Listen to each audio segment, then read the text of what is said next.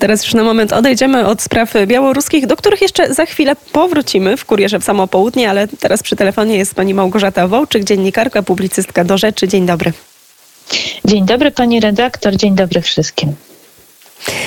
No właśnie, Hiszpania. Hiszpania stała się szóstym krajem świata, w którym zalegalizowano eutanazję. Proszę opowiedzieć, jaki jest odbiór tej decyzji Kongresu Hiszpańskiego przez społeczeństwo, no a przede wszystkim komu będzie w Hiszpanii przysługiwało prawo do eutanazji? E, no właśnie, to właściwie to, co najbardziej poruszyło Hiszpanów, nawet dzisiaj, bo jak zauważył eurodeputowany hiszpański Jorge Buxade, dziś dokładnie, czyli w dniu, w którym katolicka wciąż jeszcze Hiszpania obchodzi święto zwiastowania życia, to BOE, czyli hiszpański dziennik ustaw, ogłasza dzisiaj publikację prawa do śmierci wspomaganego samobójstwa. Trzeba przyznać, że to jest mm, no, taka jedna z najdrastyczniejszych ustaw wyprodukowana przez lewicę i wywołała ogromne oburzenie. I co tu kryć, mm, bo rozmawiam z wieloma, też strach i panikę wśród ludzi chorych i schorowanych. Przede wszystkim powstała w nadzwyczajnym trybie, pod płaszczykiem pandemii. Skrócono czas procedowania o połowę. I, I to, co trzeba zauważyć, to, co też polskie dzienniki powtarzają, kłamliwego, że ustawa jest odpowiedzią na chęć czy też zapotrzebowanie społeczne. No w żadnym razie w pandemicznym roku, gdy odeszło ponad, jak się szacuje, 120 tysięcy ludzi, w tym no 90% staruszków, fundować ludziom ustawę o, o prawie do śmierci ekspresowej z dostawą do domu naprawdę zakrawa po prostu na perwersję. No właśnie, no to skąd taka decyzja? 而且 no jak to lewica po prostu, mm, niektórzy mówią wprost, chciała zaoszczędzić na ludziach, ponieważ y, to brzmi bardzo dziwnie, ale rzeczywiście sprawdziłam, tak, że tak jest. Polska y, plasuje się na ósmym miejscu, bardzo dobrym w Europie, jako kraj, który oferuje dostęp szeroki do środków uśmierzających ból.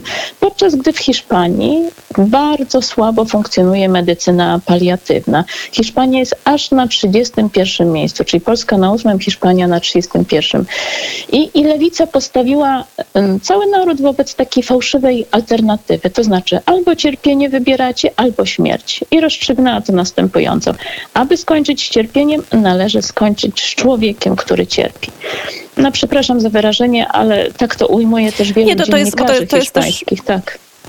Mhm, to jest tak? bardzo też zaskakujące, bo tak jak e, powiedzmy, że już gdzieś tam z tyłu głowy przyzwyczailiśmy się na przykład do tego, że nie wiem, w krajach skandynawskich jest takie inne podejście do osób starszych i tam e, te kwestie związane z eutanazją już gdzieś, gdzieś są na porządku dziennym. Tak Hiszpania wydaje się, że jest jednym z tych państw, gdzie akurat taki kolektywizm, to przywiązanie i też właśnie rodzinne przywiązanie tak. jest bardzo silne.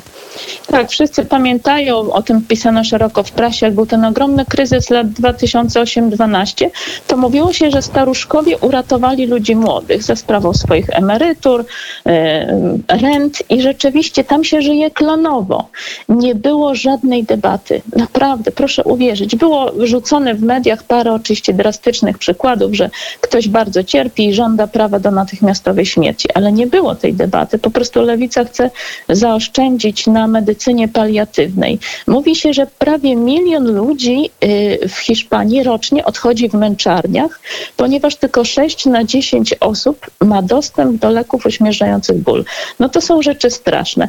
Dlatego y, dokument głosi, że jest to pomoc dla umierających, która będzie realizowana w ogóle w ramach świadczeń Narodowego Systemu Zdrowia, czyli gwarantuje powszechną dostępność, skraca w ogóle wszelką kontrol prawda, przy wykonywaniu.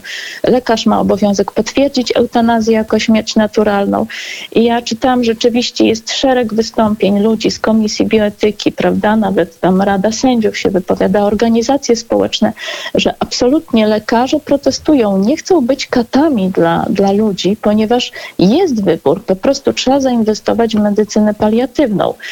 I w dodatku jest ta ustawa o wiele dalej posunięta niż y, w Holandii. No, no Belgia ma jednak też drastyczne prawo, ale chodzi o to, że właściwie ta eutanazja będzie mogła być realizowana w placówkach publicznych, w domach prywatnych, z dowozem i, i to brzmi najgorzej, po prostu też, że lekarz prowadzący będzie mógł złożyć wniosek o eutanazję w imieniu chorego i to bez udziału członków rodziny.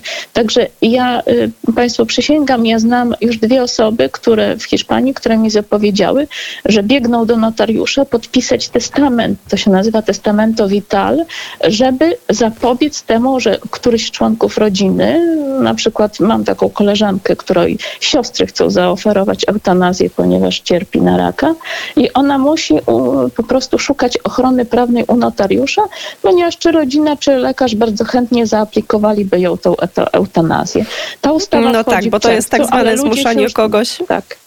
Tak, czyli że twoje życie, ponieważ cierpisz, nie przedstawia wartości, czyli istnieją życia bez wartości.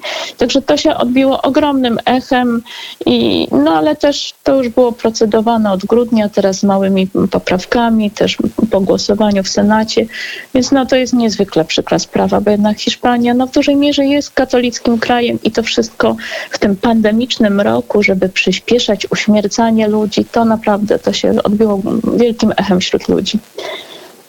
I pani Małgorzata o tym y, pisze w dziennik y, do rzeczy, o tym i o wielu innych sprawach, które i tych informacjach, które są niepokojące, docierają do nas z Hiszpanii. Miałyśmy jeszcze porozmawiać o tym, jak Hiszpania radzi sobie z czwartą falą pandemii koronawirusa. Tutaj musimy postawić trzy kropki, ale do tej rozmowy wrócimy. Małgorzata Wołczyk, dziennikarka, publicystka do rzeczy, specjalizująca się w tematyce związanej z Hiszpanią. Bardzo serdecznie dziękuję. Dziękuję, ja kłaniam się.